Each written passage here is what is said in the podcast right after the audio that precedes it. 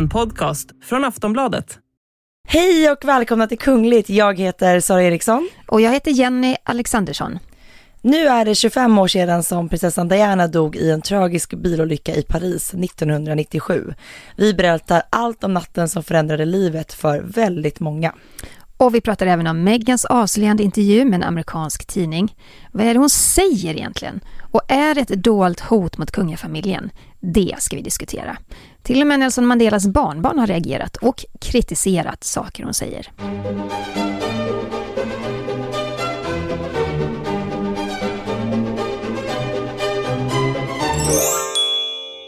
Idag när vi spelar in så är det den 31 augusti och för exakt 25 år sedan så vaknade världen upp till nyheten om att prinsessan Diana förolyckats i en våldsam trafikolycka i centrala Paris.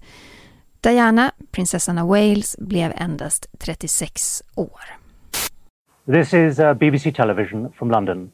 A short while ago, Buckingham Palace confirmed the death of Diana, Princess of Wales. The princess died following a car accident in Paris. She was 36. A statement issued by the palace says the Queen and the Prince of Wales are deeply shocked and distressed by the terrible news. Och vi ska börja med att prata om vad som egentligen hände den där natten mellan den 30 och 31 augusti 1997. Diana och hennes dåvarande pojkvän Dudi Al-Fayed hade ju precis avslutat en veckas semester på den franska och italienska rivieran. Och eh, paret beslutade sig, beslutade sig för att stanna en natt i Paris på hotell Ritz innan vidare färd till London. Och med sig hade de två livvakter, men det dröjde inte länge innan fotograferna fick nys om var paret befann sig. Ja, de gjorde ju allt för att gömma sig. Och det har man ju sett på sådana här bevakning, alltså tv-bevakningsbilder också, att de verkligen verkligen försökte undvika fotograferna. Eh, de hade planerat att äta middag på restaurang Le Benoit. Men de fick ändra sina planer eftersom restaurangen hade ganska stora fönster ut mot gatan. Och det är väl inte så jättekul att sitta och äta en, en eh, trevlig middag med sin pojkvän och flickvän med paparazzi utanför fönstret, såklart. Nej men man, ska ju, man får ju verkligen komma ihåg det att vid den här tiden så var ju Diana och eh, Dodi liksom världens mest fotograferade par. Mm. Eh, de var ju förföljda av fotografer var de än befann sig. Mm. Och kanske särskilt den här kvällen. De valde att äta på hotellet, det kanske var ett smart drag. Men, men fotograferna stod ju kvar. De fanns ju där hela tiden och jag har sett sådana gamla bilder alltså som turister har tagit också, som, som sen har liksom visats på TV, att det är, det är inte bara fotografer utan det är också massa nyfikna. Det är turister, det är liksom parisare som liksom fått reda på att de är Diana här. Mm. Och hon var ju så, hon var ju världens mest fotograferade och omtalade kvinna. Alla ville ha en skymt av henne. Ja men de här bilderna du pratar om, det är nästan som, man kan beskriva det som en mur ja. av människor. Eh, var de än var så stod, fanns de i närheten, den här muren av både mm. fotografer, besökare, turister som du nämner. Alla vill ju få en glimt av Diana. Ja, så hon var ju verkligen en världskändis, mm. den tidens största. Eh, Dodi Al-Fayeds pappa i alla fall, Mohammed Al-Fayed, han ägde ju varuhuset Harrods i London. Men han ägde ju också det hotellet som paret bodde på, Hotell Ritz. Och eh, sen hade ju också Dodi Al-Fayed en övernattningslägenhet ganska så nära, men, men paret, jag gissar att paret valde att bo på hotellet för att det finns ju större säkerhet, det finns ju vakter där och så vidare. Mm. Men det här, det här påtrycket utifrån och alla fotografer och alla människor gjorde ju att paret till slut beslutade sig för att faktiskt lämna hotellet och istället då de skulle ha sovit i sviten på hotellet så ville de istället åka till den här lägenheten för att få lite mer lugn och ro. Ehm, Dianas pojkvän Dodi blev väldigt upprörd över att de inte fick vara i fred och han ska då ha ringt hotellets säkerhetschef eh, Henri Paul för att be honom att köra paret då till lägenheten. Mm. Och eh, jag vet att man försökte göra en liten skenmanöver. Eh, man körde fram två stora svarta bilar till hotellets eh, eh, ingång.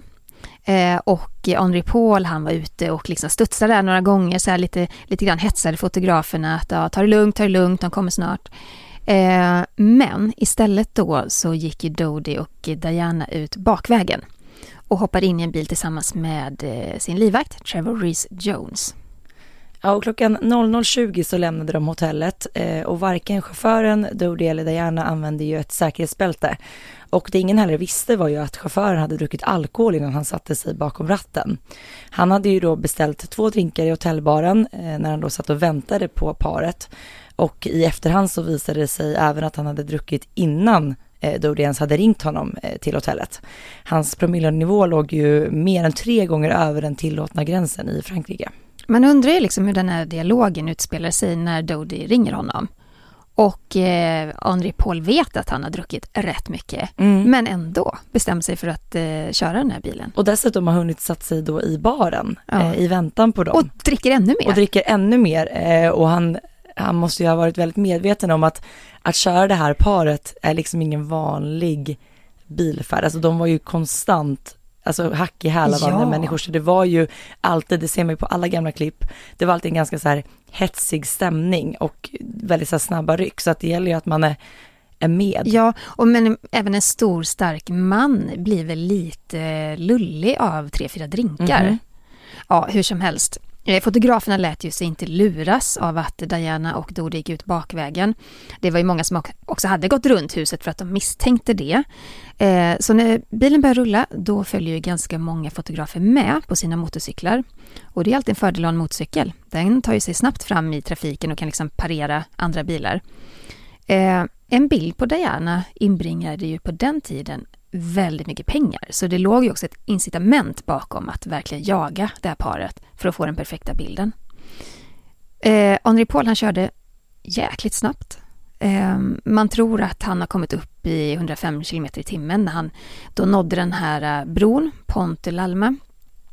Och det som händer just i de här sekunderna är ju fruktansvärt. Ehm, han försöker gira på något sätt eh, för att komma bort ifrån någonting. Men istället då så sladdar ju bilen in i ett, eh, ett betongfundament.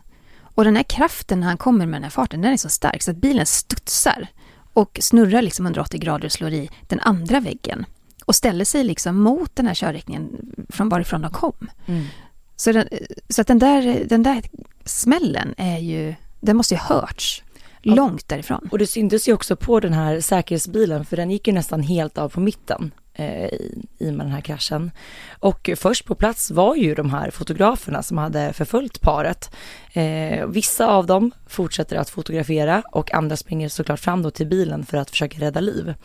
Och chauffören och Dianas pojkvän som satt i baksätets vänstra sida eh, dog omedelbart. Eh, parets livvakt var med, vid medvetandet. Eh, han var också den enda som hade bälte på sig i Mm. den här färden. Jag läste något så här vittnesmål ifrån en av de här fotograferna då som var först på plats. Han hade kört ja, men 600 meter kanske efter bilen eh, och blev väldigt så här chockad när han såg det här vraket. Eh, han hade då öppnat dörren eh, och sett ganska snabbt att Odi Al-Fayed var död. Chauffören var död, för de satt ju på vänstra Mm, sidan och det var mm. den som då smällde in liksom i väggen sen. Så den var ju helt intryckt. Men så berättade han då också i en dokumentär, eh, Diana, the witness in the tunnel, att eh, han hade då sett att Diana satt framåtlutad. Hon var helt så här skadefri i ansiktet, det var inget blod, ingenting. Men att hon liksom var avsvimmad framåtlutad. Men han rörde vid henne för att känna om hon hade puls så hade hon liksom mm, eh, gnytt lite och liksom, ja men hon var vid liv. Mm. Och sen var det ju på något sätt tur, kan man säga. Det var ju en läkare som kom ganska snabbt till platsen som inte var i tjänst men som, som visste vad han skulle göra och polis och ja men ambulans var ju ganska snabbt på platsen då. Och det är en, en, en av läkarna som var först på plats har ju berättat att Diana liksom återfick medvetandet eh, men att hon var väldigt förvirrad när hon pratade med, med honom. Eh, och hennes hjärta slutade ju slå när de liksom lyfte över henne ifrån bilvraket till ambulansen. Men de lyckades ju då återuppliva henne och hjärtat, hjärtat började slå igen. Eh, men sen förs ju då Diana till, till sjukhuset. Mm. Och hon anlände dit eh, strax efter klockan två på natten och är väldigt allvarligt skadad. Man försöker ju att rädda hennes liv gång på gång men eh, det var så mycket inre skador så att det, det går inte. Och eh, jag vet att en kirurg stod på en presskonferens sen eh, senare och sa att de hade öppnat upp hennes bröstkorg och de hade lagat en skada i hjärtat och sen hade de då liksom kirurg, kirurgen hade stått och masserat hennes hjärta i två timmar. Men de, de fick ju aldrig liv i henne igen utan ja, vid fyra tiden så förklarar man att prinsessan Diana är död. Mm. Och den 31 augusti då, 1997, så vaknade ju en hel värld upp till den här nyheten om att Diana omkommit i den här trafikolyckan i centrala Paris. Och Sju av fotograferna greps ju på plats och ett stort hat riktades ju mot fotografer och media i stort som då anklagades för hennes död. Och världen runt så plockades ju alla tidningar ner med paparazzi-bilder av, av Diana och de slutade säljas. Mm, och jag tror att det var tre av dem som sen åtalades för dråp och för att ha tagit bilder då av Diana när hon eh, var skadad i bilen. Men alla friades ju sen i en domstol i Paris. Men samma dag eh, så anlände ju prins Charles och Dianas två systrar till Paris för att hämta hem Dianas kropp. Men också hennes eh, butler Paul Burrell kom då för att vara vid eh, Dianas sida. Och Dianas död kom ju verkligen att, att skaka om eh, hela, en hel värld och eh, det brittiska kungahuset såklart.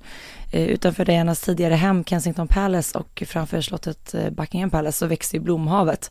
Eh, det sägs att 60 miljoner blommor lämnades av folket till minne av Diana. Eh, och vid den här tiden när, när det här hemska inträffade så var ju drottning Elizabeth bortrest och befann sig då på sommarslottet Balmoral i Skottland där även då Dianas söner, prinsarna William och Harry, befann sig. Och de var ju bara 12 och 15 år gamla när det här hände. Jag kan inte ens tänka mig hur det skulle kännas och vakna upp där på morgonen. Och det var ju prins Charles som väldigt varsamt då fick berätta vad som hade hänt. Alltså det är en sån skör ålder. Mm. Det är så mitt emellan barn och eh, vuxen. Mm. Och att hantera det. Man förstår ju ändå så mycket när man är i den åldern.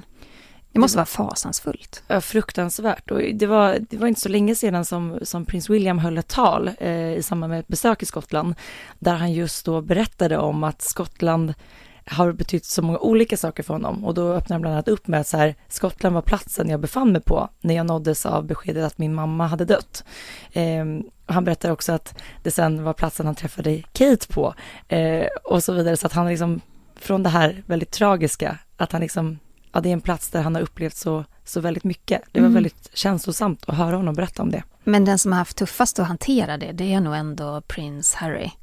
Um, jag vet att han också, han var ju 28 när han verkligen så öppnade upp kring sina känslor kring det. Det är ganska sent. Han hade ju kaotiska år. Mm. När han, han drack mycket alkohol, han ställde till med bråk. Han kunde inte hantera livet på något sätt. Och det har han ju också pratat om sen.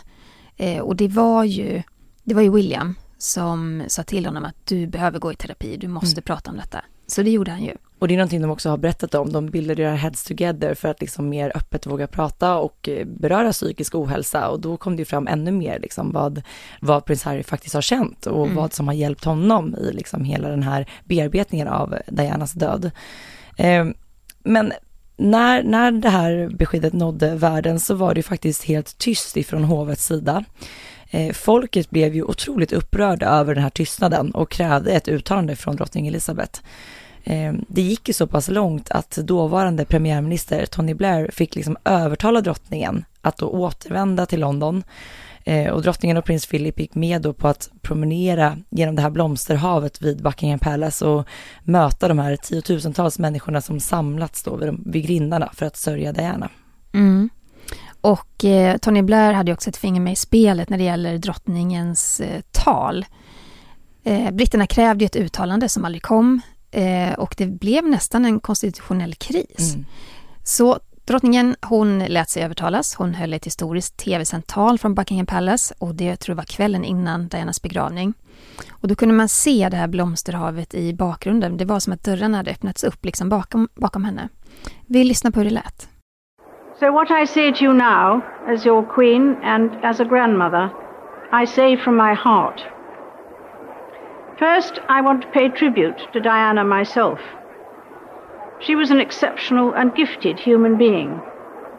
In good times and bad, she never lost her capacity to smile and laugh, nor to inspire others with her warmth and kindness. I admired and respected her for her energy and commitment to others, and especially for her devotion to her two boys. Och kungahuset gick ju även eh, med till slut på att hissa flaggan på halvstång vid slottet, trots att Diana då inte längre var en del av den kungliga familjen. Eh, Diana och Charles separerade ju 92 och skildes 96 och eh, ja, Diana lämnade ju verkligen ett tomrum efter sig och inte minst hos sönerna som vi pratade om. Mm. Och London vid den här tiden, det var ju nästan helt lamslaget de här första dagarna. Ehm, det var ju, jag menar folk satt och, och grät på pubbarna. Eh, folk eh, samlades vid grindarna vid Buckingham Palace och Kensington Palace och eh, det var det enda som tidningarna skrev om. Mm. Diana och olyckan och vad som hade hänt. Och många gjorde starka uttalanden. Premiärminister Tony Blair var ju en av dem.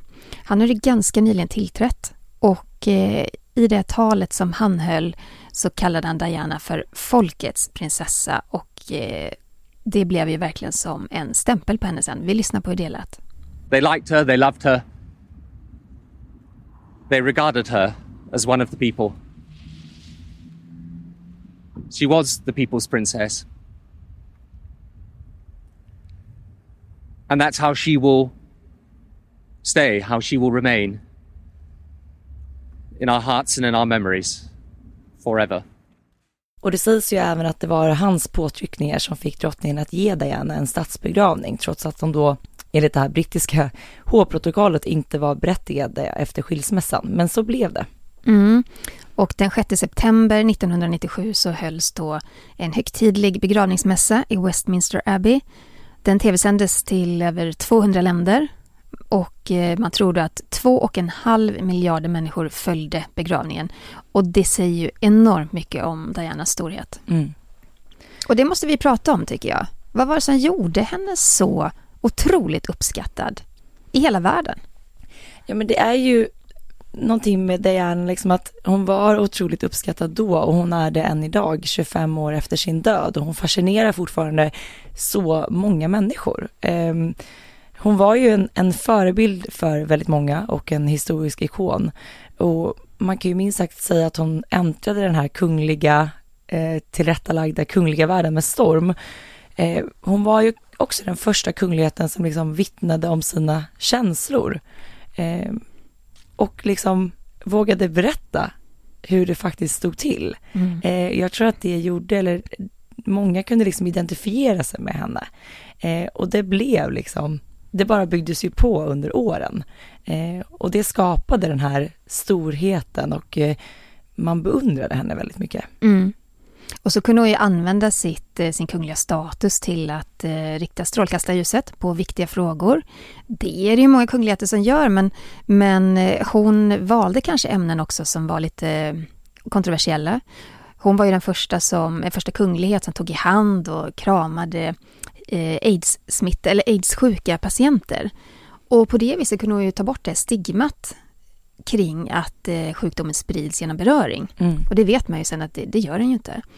Och hon var ju också väldigt engagerad i det här med landminor. Hon kunde ju resa till länder som hade problem med, med de här minorna. Eh, själv iklädd skydd, eh, vandra på de här fälten, det var ju såklart inga miner där hon gick, men, men det blev så symboliskt att hon vågade göra det. Och eh, faktum är att det ledde ju faktiskt också till en lagändring kring landminor. Och också Nobels eh, fredspris 1997. Eh, tyvärr fick hon ju själv aldrig uppleva det i och med att det var fyra månader efter hennes död. Eh, men just det här att hon, hon visste ju att media alltid var intresserade av att följa efter henne eh, och liksom fotografera och rapportera kring vad hon gjorde. Och där såg ju hon sin chans, som du säger till exempel, att fotograferas när hon tog eh, i hand, när hon höll om dem, eh, när hon besökte då sjukhus och liknande i, på platser där liksom de här aktiva minfälten hade gjort otrolig skada och då kunde fotograferas ihop med människor som drabbas av dem för att liksom visa omvärlden vad som pågår och vad det är som händer. Mm. Eh, och i och med hennes starka PR-värde så, så skapade det också förändring och också väckte allmänhetens intresse på ett helt annat sätt. Och sen var hon mänsklig. Och jag mm. tror att det spelar stor roll för att eh, det brittiska hovet och den brittiska kungafamiljen, de är ju väldigt konservativa. Eh, drottning Elizabeth till exempel, hon sätter ju en ära i att inte visa känslor, att inte prata om det privata. Och då blev ju Diana en ganska stark eh, motsats till det. Och jag tror folk ändå tyckte om det. Mm. Och jag menar på den här tiden, 80 och 90-tal, eh, så skapades ju kändisar på ett helt annat sätt än vad det gör idag. Idag kan du bli känd om du har eh, en miljon följare på TikTok mm. till exempel. Mm. Men på den tiden så var det ju, det var veckopressen, det var dagstidningar, det var tv och radio som på något sätt skapade kändisar och hon hade ju så starkt genomslag i medierna mm. och visste också på ett sätt hur hon skulle göra för att få genomslag. Och faktiskt ibland manipulerade pressen lite grann. Eh, ena dagen kunde hon vara väldigt välkomnande och uppskattande. Nästa dag kunde hon eh, verkligen så undvika och, och liksom skrika åt fotografer. Så hon visste ju hur hon skulle styra och ställa med medierna. Det är lite, man pratar mycket om att hon hade lite så katt och råtta-lek med media och fotografer, mm. eh, just för att kunna använda det eh, utifrån hennes bästa sida. Eh, men jag ställde faktiskt frågan på, på mitt Instagramkonto och frågade så här, hur minns du Diana, vad betyder Diana för dig? Och det var otroligt många kvinnor som, som svarade liksom att Diana blev också en förebild i, när det kommer till äktenskap och relationer. Mm. Just för att det är så många som kan relatera till hur svårt det är att få det att hålla ihop, eh, oavsett om man är gifta eller inte, eller bara tillsammans med någon. Och där den här världen som ser så perfekt ut, liksom utifrån, den här guldkantade slottsmiljön, mm. att även där pågår det sånt som, som är jobbigt att hantera och det var otroligt många som kunde då liksom känna med henne och kanske tycka att av ens egna tillvaro, liksom förstå den bättre, bara det, det händer fler. Hon var ju väldigt öppen med det. Mm. Sen var hon också väldigt fin med sina söner. Mm. Eh, det finns otroligt mycket tv-klipp som visar hur hon deltar i skoltävlingar, springer barfota i ett mammarace, um, hur hon sen kramar och myser och håller om dem och verkligen visar sin kärlek. Det tror jag många också uppskattade.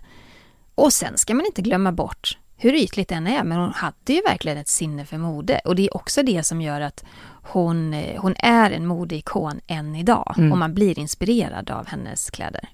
Ja, men jag märker att jag skriver väldigt mycket om, om kungligt modefokus och så fort man gör någonting om, om Dianas stil eh, så är det väldigt många som är intresserade av att läsa det. Mm. Eh, men en sak gällande det här med mammarollen som du pratade om, där gjorde hon ju också liksom, någon, äntrade någon, någon, någonting nytt inom brittiska kungahuset. Eh, Diana och Charles eh, första resa till Australien, där valde Diana att ta med prins William på resan istället för att då lämna kvar honom i England med mm. barnflickan. För att hon var väldigt mån om att här, han ska vara med oss. Och det låter ju helt sjukt idag, men där och då var det en väldigt stor och någonting nytt. Alltså det hade man inte sett tidigare, att man hade med sig ett litet barn i de här kungliga sammanhangen som, som Diana valde att, mm. att göra. Vi har ju ägnat en, ett helt poddavsnitt åt Diana. Och eh, vill du veta mer om prinsessan Diana så heter det avsnittet Prinsessan Dianas död och det släpptes den 4 september 2020. Och det är uppenbart att Dianas liv fortfarande fascinerar en hel värld. Det tar aldrig slut på böcker, filmer och dokumentärer om hennes liv. Nej, för just nu visas ju en ny film om Dianas eh, liv på bio. Den heter The Princess. Eh, och det är ju en dokumentär om Diana där liksom hennes liv skildras på nytt med hjälp av då arkivmaterial som berättar om hennes liv och död. Och i filmen så får man se en del klipp som aldrig tidigare visats. Eh, Jenny, du har ju sett den här. Jag har inte gjort den. Vad tyckte du? Den är väldigt snyggt gjord. Det är mycket nya tv-klipp som man aldrig har sett tidigare och det var nog den stora behållningen tycker jag. Eh, sen är den ju det finns ingen berättarröst utan filmen bärs fram av röster från de här nyhetssändningarna, det är intervjuer med vänner och andra och det gör den väldigt effektfull. Den, den följer ju liksom en tidslinje. Eh, men jag tycker, alltså den är verkligen värd att se just för att den eh, den ger så mycket nyanser av Diana. Får man följa liksom hela hennes liv eller är det mycket fokus på hennes död? Eller alltså det är mycket fokus på hennes inträde i den kungliga familjen men också då liksom vad som ledde fram till hennes död. Um, så, så där ligger nog liksom det stora fokuset. Men, uh, men jag tycker den ger en, en liksom sammanfattande bild av henne faktiskt. Måste gå och se den med Ja, gör mm. det. I den här filmen då så visas ju även klipp från den här omtalade intervjun som Diana gjorde hos Martin Bashir eh, för BBC. Ni vet den där när Diana bland annat sa att de var tre äktenskapet så att det blev lite trångt. Och eh, efter intervjun så skapades ju ramaskri eh, och även om många redan förstått hennes situation så satte den ju med tydliga ord på liksom, hon bekräftade ju prins Charles otrohetsaffär med Camilla. Det hade ju många misstänkt länge, men mm. när hon själv liksom sa det så var det liksom en, en helt ja, ny spelplan. Nej men alla visste det, mm. men, men det var ju väldigt ovanligt att en kunglighet sitter och säger det i tv. Mm. Det var ju en eh, bomb som slog ner, en skandal. Men eh, det var ju också så här att förra året så uppdagades det ju att Martin Bashir, som intervjuade Diana, Han hade använt extremt fula metoder för att få henne att ställa upp. Eh, han hade ju påstått bland annat då att Charles och, eh, Charles och Dianas barnflicka hade en affär med prins Charles.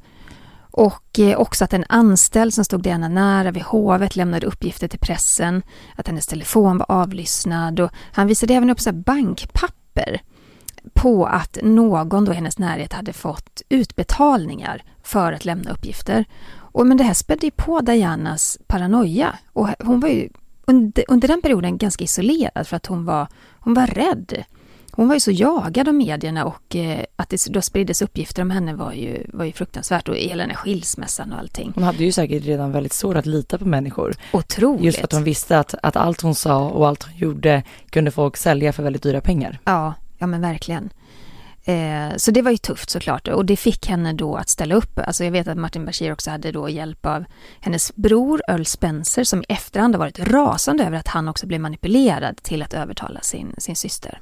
Men då efter att Martin Bashirs metoder avslöjats så meddelade då BBCs VD Tim Davy att public service-bolaget aldrig mer skulle sända intervjun. Han sa nu när vi känner till det chockerande sätt på vilket intervjun blev av så har jag beslutat att BBC aldrig kommer visa programmet igen. Vi kommer inte heller ge andra licens att sända hela eller delar av programmet. Men i den här nya filmen då om Diana som visas på bio så har ju den här intervjudelen inte klippts bort. Eh, och det här är någonting som har mötts av kritik eh, och som eh, Anna Lindström från distributionsbolaget mött med ett uttalande där hon säger så här. Vi anser att den här intervjun är av journalistiskt värde då den tydligt visar på hur Diana behandlades av pressen, kungahuset och av oss alla. The Princess är en film som kastar ett kritiskt strålkastarljus på hur Diana behandlades och framställdes. Och, då inte, och att då inte visa en av de mest kontroversiella intervjuerna är som att skriva om historien." Slutcitat. Mm. Men när filmen då visas i England så har de adderat en varningstext med en ruta där det står att intervjun med Diana gjordes då under kontroversiella omständigheter. Mm. Men det finns också en ny dokumentärserie som nyligen hade premiär på Discovery Plus. Och den heter The Diana Investigations och är i fyra delar. Och den serien handlar om dödsdagens händelser och de går igenom franska och brittiska utredningar kring prinsessan Dianas död. Så den här måste jag se. Den mm. låter ju superspännande. Ja, jag har kollat på trailern till den och jag ja. måste också titta på den. Eh, I den här dokumentären då så djupdyker de i polisutredningen som startade i början av 2004, sju år efter Dianas död. Och i ett av avsnitten eh, så framkommer det detaljer kring ett möte som Diana haft ihop med sin juridiska rådgivare Victor Michon 1995. Och han skrev anteckningar under deras möte som senare blivit kända som Mission Notes. Eh, under det här mötet så ska Diana ha berättat att hon blivit varnad då av pålitliga källor om att en bilolycka planerades att iscensättas där hon skulle råka illa ut. Var det för att man ville röja henne ur vägen för prins Charles skull? Eller? Alltså det är så det, det framställs lite i den här dokumentären. Att, att liksom hon hon ska då ha berättat för honom att hon hört talas om ja. att det här kommer att hända dig. Men hon var ju redan paranoid. Jag tänker att det där kanske är en naturlig tanke som hon då får. Mm. För att hon är rädd helt enkelt. Mm. Men det är ju otroligt många Eh, vad kallar man det? Konspirationsteorier ja. kring Dianas död. De, de tar ju liksom aldrig slut och nu är det då en ny sådan som framkommer i den här dokumentären.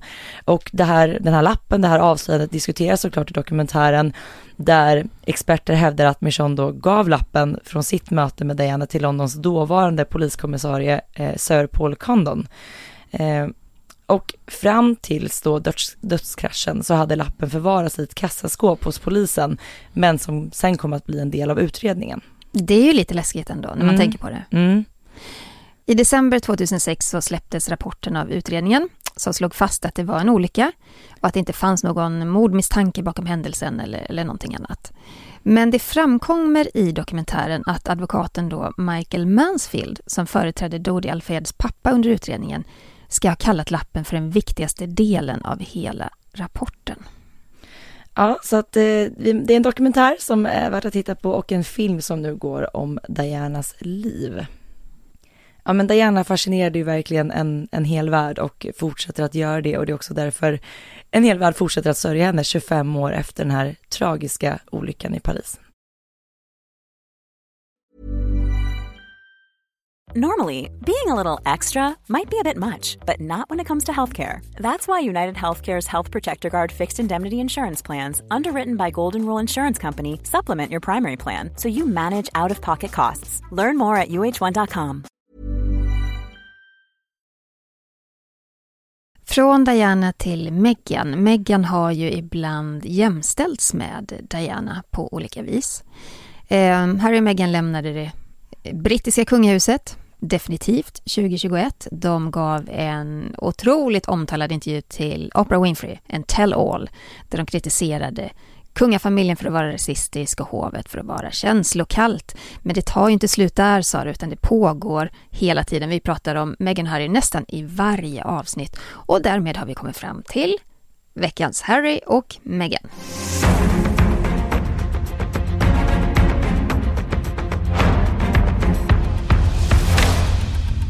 Ja, det senaste nu ifrån Harry och Meghan är ju att Meghan gjort en ganska så stor intervju får man ändå säga med The Cut.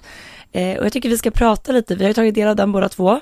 Säkert många av ni som lyssnar har också gjort det. Eh, men lite av kanske några viktiga punkter från den här intervjun. Som ja, vi ska prata lite om. Alltså The Cut är en amerikansk tidning och den är väldigt eh, snygg. Mm, eh, bild, bilderna på Meghan är eh, fantastiska. Eh, hon sitter bland annat i en galaklänning med en svart eh, polo upp till och då det här vita tyllet som en så sjö om, eller ett hav omkring sig. Eh, på en annan så står hon i en kritvit kostym och ser väldigt elegant ut. Det är ju stiligt, mm. elegant, men texten har ju väckt ramaskri. Mm, och vi måste ju prata om, om den här texten och, och varför den har väckt sånt ramaskri. Eh, ska vi liksom dela upp det som de viktigaste punkterna kanske? Mm. En av punkterna är att i intervjun så påstår Meghan att hon inte kunde eller kan lämna Archie i skolan utan att 40 paparazzi-fotografer står utanför och tar bilder. Hon gör någon jämförelse också tror jag med William och, eh, William och Kate. Eh, men det här påståendet att det skulle stå massa paparazzis vid skolorna eller i skolan, det har rört upp starka känslor. Många journalister säger det är en lögn. Bland annat Richard Palmer som skriver för Daily Express, Robert Jobson som skriver för amerikanska Evening Standard och eh, även eh, jobbar för ABC. Jobson har skrivit på Twitter att han tror att Meghan på riktigt tror på sina egna lögner. Richard Eden, som är en väldigt känd hovexpert, han skriver för Daily Mail, han är också mycket kritisk. Och alla poängterar att det finns arbetsetiska regler Eh, genom Independent Press Standard i, i England om att man inte fotograferar barnen i situationer när de går i skolan. Eh, och liknande regler finns också i USA. Och Dan, eh, Dan Voton som skriver för Mail Online, han skriver att lögnerna i den här intervjun är extraordinära och, eh, och han menar på att William och Kate de skjutsar sina barn till skolan helt inkognito utan problem. Där finns ingen som står några bilder just för att man har den här överenskommelsen. Och, och många av experterna menar också, skulle det stå någon frilansande fotograf där och plåta bilder i smyg, finns det ingen tidning i hela England som skulle köpa de här bilderna och publicera dem. Och det har vi heller aldrig sett några bilder på. Nej. Eh, just eh, på grund av det. Nej, alltså, jag har sett någon bild på Meghan när hon eh, hon är på väg någonstans och håller Archie i famnen.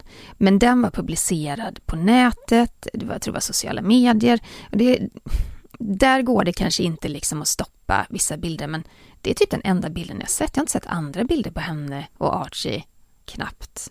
Inte i skolmiljö eller på väg eller från skolan. Så det där får ju många då inom, inom branschen att rasa i och med att, att Megan påstår att de står uppradade dagligen mm. Eh, utanför förskolan. Ja. Eh, en annan del är ju att Meghan påstår att hon mötte en skådespelare i Lejonkungen som sa något väldigt speciellt när hon och Harry var med vid premiären 2019. Skådespelaren berättar att, citat, vi gladde oss på gatorna precis som vi gjorde när Mandela befriades, slutcitat, när hon då gifte sig med prins Harry. Och det här, Jenny, har ju väckt ett ramaskri, den här jämförelsen. Ja, men framförallt så är det en ganska fräck jämförelse. Mm, ett bröllop jämfört med den kamp som Nelson Mandela förde. Mm, Okej. Okay. Eh, Nelson Mandelas barnbarn, Mandla Mandela, säger till Mail Online i en intervju att han blev förvånad över hennes kommentar. Det är ju så att Mandela släpptes ut ur fängelset efter 27 år. Och då gick ju sydafrikanerna ut på gatorna, de dansade, de firade. Det var ju en enorm stor sak, en enormt stor sak. Man firade också att 350 år av kolonialism var över, att 60 år av brutal apartheidregim var över i Sydafrika. Och eh, Mandelas barnbarn, barnbarn säger då att det går inte på något sätt att jämföra med firandet av att någon gifte sig med en vit prins. Och han säger även då i intervjun att varje dag så ser han människor som vill vara som Mandela, att jämföra sig med Mandela, men att de istället borde titta på vad för slags ar arbete som Mandela faktiskt genomförde och själva var beredda att göra detsamma. Mm. Och det, det här är ju starka ord. Och när man, om man väger det mot varandra så känner jag också så här att det är rätt fräckt att sitta och säga att, eh, att det här bröllopet på något sätt ja, skulle jämföras med Mandelas kamp. Ja, jag tänker man till, alltså jag, det känns ju väldigt så här ogenomtänkt att, att uttala sig så. Ja. Alltså klumpigt och liksom här, lite hänsynslös. Ja, och om det nu då är sant att den här skådespelaren gått fram till Meghan och sagt det. Ah, jag vet inte. Jag vet inte faktiskt. Nej, en annan del som Meghan pratar om, det är ju att hon säger att hon och Harry då störde dynamiken inom kungahusets hierarki genom att ens existera. Eh, hon säger bland annat så här, eh, citat, så vi kände att okej, okay, låt oss lämna allt det här, det gör vi så gärna, slutcitat. Mm. Alltså på ett sätt, här kan jag lite grann hålla med henne. Hon hade ju en dynamik, en star quality som nog var lite störande för en del. Så kan det absolut vara. Men jag tror det många i kungahuset störde sig mest på var att hon, hon var inte beredd att eh, hon ville gå sin egen väg. Mm. Hon ville ju ha någonting mer än att bara vara en kunglig figur, en del av den här familjen. Mm. Och det tror jag de hade svårt att hantera, faktiskt. Men eh, ja. Och, och en, en, annan del i intervjun som jag, jag vet inte hur du tolkar den, men jag tolkar den verkligen lite som kanske en pik till eh, kanske prinsessan Eugenie och Beatrice eh, eller liknande, för att hon, hon säger ju så här att, att hon och Harry ville arbeta och belysa saker eh, som de önskade göra men inte, inte fick göra. Eh, och sen säger de så här, men det gör många andra inom, inom kungafamiljen. Mm. Eh, jag tänker mig där att hon kanske menar då just det här när de tog ett steg tillbaka och ville arbeta med sina projekt och då blev tillsagda att de inte fick göra det i den positionen som de var. Mm. Eh, men där kan man inte heller riktigt, riktigt jämföra eh, Eugenie och Beatrice arbete. Jag menar, Harry och Meghan, monsterdealar med Netflix, Spotify, det är lite olika banor de har valt. Det är lite olika banor. det är jag är helt övertygad om ifall att bara Harry och Meghan hade valt att ta ett kliv tillbaka, eh, syssla med, med välgörenhet till exempel, mm. Hade kanske inte blivit så starka reaktioner. Men det stora problemet har ju alltid varit att de har använt den kungliga statusen och stjärnglansen, eh, dess enorma PR-värde och kunna väva in det i i väldigt stora affärer med stora internationella företag. Ja, men att tjäna pengar på sin mm. kungliga status, det får man inte. Nej. Då är man inte längre neutral. Det går inte att ha en kunglighet som, som gör en, en dramadokumentär för Netflix och får en miljard för det. Eller som tar med Netflix-teamet bakom de kungliga kulisserna. Det går inte. Nej. Jag tror att det var det här som Eh, ja, men man kan inte jämföra med Eugenie och eh, med Beatrice, det går inte. Nu jämför ju inte Megan med dem ska jag säga, det var min det, jämförelse. Det var, jag ja, tolkar det, det som att det, ja. som att det är så. Eh, och det är ju verkligen en känga. Det är ju många kängor ja. i intervjun och mellan raderna så förstår man ju vad vad hon liksom menar och lite ja. vad hon vill pika till. Men det kan ju vara en pik till eh, Prins Edward också tänker mm. jag, för han startade ju ett, eh, ett slags produktionsbolag för tv och skulle göra kungliga dokumentärer det föll platt. Jag tror också man har lärt sig av de erfarenheterna i, i kungafamiljen, att man säger nej till sånt nu, mm. därför att det blir bara katastrof, helt enkelt. Det har sällan blivit bra. Nej. nej. Meghan pratar ju också om tabloidkulturen och hon kallar den för, för giftig och att den liksom kan få familjer att glida isär. Onekligen, det kan hon ha rätt i, mm. men det blev också väldigt eh, kritiserat. Den här intervjun har ju fått extremt många och kritiska reaktioner. Eh, Sarah Wine på The Mail skriver så här. Intervjun är ett hot så öppet, så uppenbart att hon lika gärna kunde ha lagt ett hästhuvud i drottningens säng. Varje rad droppar av hot, verkliga eller un underförstådda. Även hennes förmodade ögonblick av sårbarhet är laddade med illvilja. Som allt Meghan gör nu för tiden är den här intervjun en mästerklass i manipulation. En noggrant orkestrerad, professionellt utförd övning i varumärkesbyggande. Oh, Det är hårda ord. Det är hårda ord. Ja, det är... Eh, men jag tycker också man märker att brittiska journalister är mer kritiska. Mm. Det har varit kritik i amerikansk press också, men den är inte lika hård. Eh, det här är ju, whoops, det är ju, det är vassa, Det är vassa meningar. Ja, Men, men någonting jag liksom inte kan sluta fundera över när jag tar del av den här intervjun med Meghan, hennes podcast och liksom andra, andra Mm. tillfällen då man ser henne i, i media. Eh, hon tar ju alla tillfällen hon kan i att befria sig själv från kungafamiljen och kungahuset. Hon kallar dem för the firm, firman. Eh, hon pratar ju om dem på ett sätt som vi och dem hela tiden, att hon inte vill vara en del av det och jag tycker bara den här trailern som släpptes för hennes podcast var ju väldigt noga med att berätta att ni har inte sett den riktiga Meghan på fem år. Men här är jag. Hon pratar ju väldigt mycket om då och nu Mm. och skillnaden. Eh, även i den här intervjun som vi pratar om nu så anklagar hon ju kungahuset för rasism.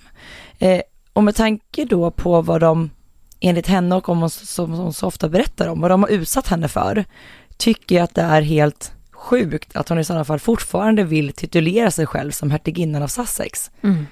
Hon gör det i den här intervjun, hon gör det i sin podcast, hon gör det i alla andra mediala tillfällen. Hon pratar och berättar om så hemska saker som hon har upplevt. Mm. Att hon fortfarande då vill, är det så pass starkt PR-värde i det Nej, men det, det, finns ju, det? det finns ju bara ett svar på den frågan. Mm. Och det är ju att eh, den titeln garanterar henne uppmärksamhet, eh, stjärnstatus och pengar. Och så krassa kan vi vara. Jag vet att det finns, eh, det finns team Meghan och det finns team Kate och William. Det finns ju sådana som säkert kommer bli jätteirriterade på att jag säger det rakt ut, men det tror jag är uppenbart för alla. En kunglig titel öppnar så många dörrar. Ja men det vill bara se till sig själv. Hade man själv blivit utsatt för någonting hemskt eller blivit illa behandlad, då gör man väl allt för att ta avstånd ifrån det. Inte hänga kvar med lillfingret i den världen på något sätt. Och det är det här som gör folk så fruktansvärt irriterade. Men det är bara för att du är en väldigt snäll människa, Sara. Alltså, det finns också väldigt mycket så, cynism och Mm. eh, uträknande, uträknande planer. Eh, det är väl ganska självklart att Harry och Meghan inte hade fått ett stort kontrakt med Netflix om de inte varit kungliga eller haft de här titlarna. Eh, att The Cut vill göra en intervju med Meghan handlar ju om dels hennes titel, hennes status, att hon är beredd att återigen prata om kungahuset. Det säljer tidningar. Det är så mycket pengar bakom det här. Det är hela tiden ett spel kring ens, eh, ens eh, kändisstatus och vad man kan få ut av olika saker. Hon, hon kommer aldrig göra sig kvitt den här eh, kungliga titeln. Men liksom status eller ej, folk vet ju fortfarande att de har varit en del av kungahuset. Ja, men det, Alltså, det räcker inte. Det räcker inte, Nej. de måste ha kvar titeln, hertiginnan av Sussex, för att det ska ge den, den effekten man vill ha. Det är en tyngd Mm. som är värd pengar. Jag tycker bara det är intressant och man ser ju liksom att det här, det här går ju folk bananas på, eh, på sociala medier och i media, just kring att man inte förstår eh, varför hon är så fast beslutsam vid att hålla i dessa titlar. Ja. Meghan har ju också släppt ett nytt avsnitt av sin podd Archetypes eh, där hon pratar med kända gäster om olika fördomar kring kvinnor och hur man ska bryta dem. Den här gången så var det Mariah Carey som var gäst och som pratade om begreppet diva. Det var intressant, jag lyssnade på det i, igår kväll. Eh, de pratar ju mycket om hur begreppet diva har, har utvecklats genom åren. Att under 90-talet så, så liksom titulerades nästan alla så här popstjärnor eh, för musikaliska divor. Och att det fanns någonting, en positiv klang i det, nästintill. Och hur det har förändrats till idag när man pratar om, om ordet diva på ett ganska nedlåtande sätt. Eh, det var intressant. Eh, Mm. Det finns på Spotify om man vill lyssna på det.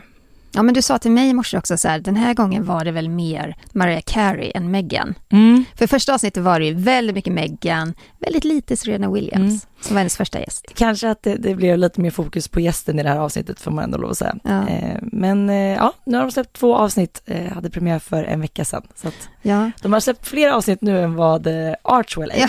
audio har gjort i alla fall. Ja, vi fick vänta var nästan två år Precis, på att podden skulle komma igång. så det här eh, verkar lovande. Vi hade också nåtts av massa rykten om att eh, Spotify var aningen irriterade över att paret aldrig fick tummen ur. Ja, men vi såg också så här annonser där man eh, sökte liksom nya projektledare för att kanske Ja. dra igång det här projektet igen. Och det verkar ju gått bra, för nu verkar det rulla på. Jag läste någonting i en brittisk tidning nu i morse också om att eh, just det här diva-konceptet som de pratar om, att Mariah Carey vid något tillfälle kallar Meghan för diva. Mm. Och att Meghan berättar sen, hon, har, hon, lägger ju på en, hon lägger på sin röst sen ovanpå de här intervjuerna, så det blir så här mellansnack. Eh, och så säger hon någonting om att åh, det fick mig att börja svettas. Vad menade hon? Jag är väl ingen diva.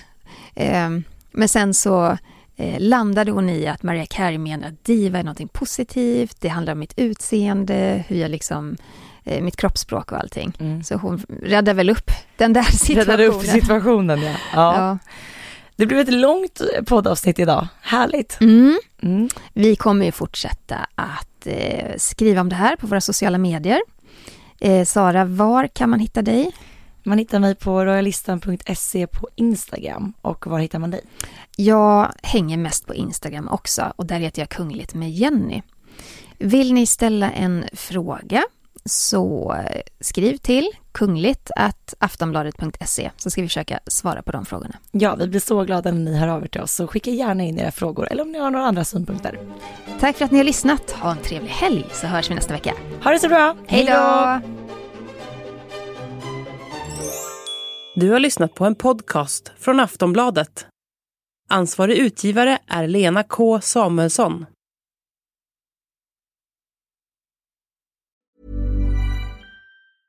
Ryan Reynolds here from Mint Mobile. With the price of just about everything going up during inflation, we thought we'd bring our prices down. So to help us, we brought in a reverse auctioneer, which is apparently a thing. Mint Mobile unlimited premium wireless. Ready to get 30, 30, bit to get 30, bit to get 20, 20, 20, bit to get 20, 20, bit to get 15, 15, 15, 15 just 15 bucks a month. So, Give it a try at mintmobile.com slash switch. $45 upfront for three months plus taxes and fees. Promo rate for new customers for limited time. Unlimited more than 40 gigabytes per month. Slows. Full terms at mintmobile.com.